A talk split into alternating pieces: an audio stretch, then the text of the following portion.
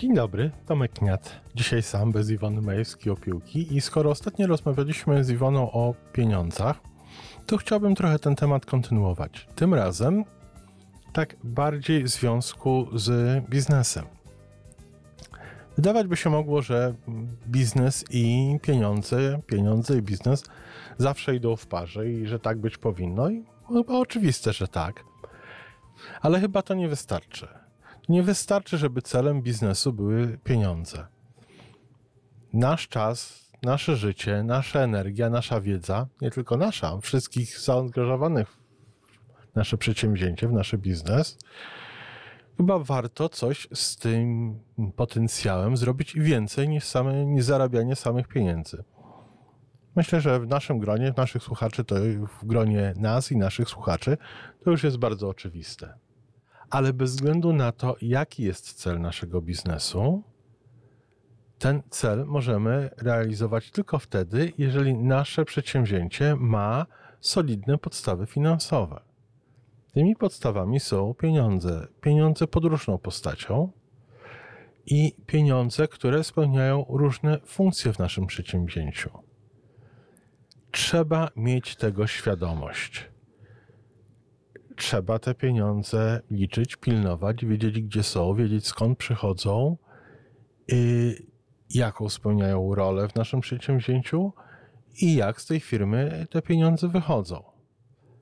Ale samo liczenie to jest księgowość i do poznania chociażby podstawowych zasad księgowości bardzo namawiam.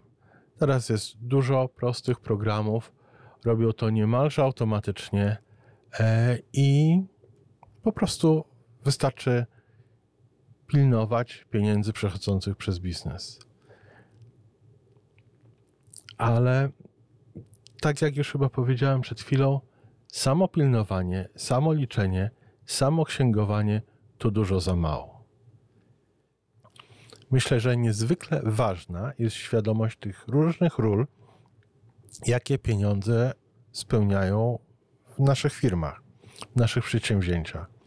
Tego i niezwykle ważna jest świadomość, które działania w naszej firmie przynoszą większe korzyści dla firmy niż inne działania. Korzyści i te finansowe, czyli które z naszych działań są bardziej zyskowne, i korzyści inne pozycji na rynku, czy y, reputacji klientów i tak dalej, i tak dalej. Tych form różnego kapitału i emocjonalnego, i marketingowego jest wiele. Ale dzisiaj skupmy się na samych pieniądzach. Pieniędzmi są, maga- są pieniędzmi są towary w magazynie. Czy ten magazyn jest duży, czy ten magazyn jest bardzo mały, zależy od wielkości i od obrotów firmy. Yy, pieniędzmi są należności od klientów pieniędzmi są nasze należności dla, y, do dostawców i tak dalej, i tak dalej.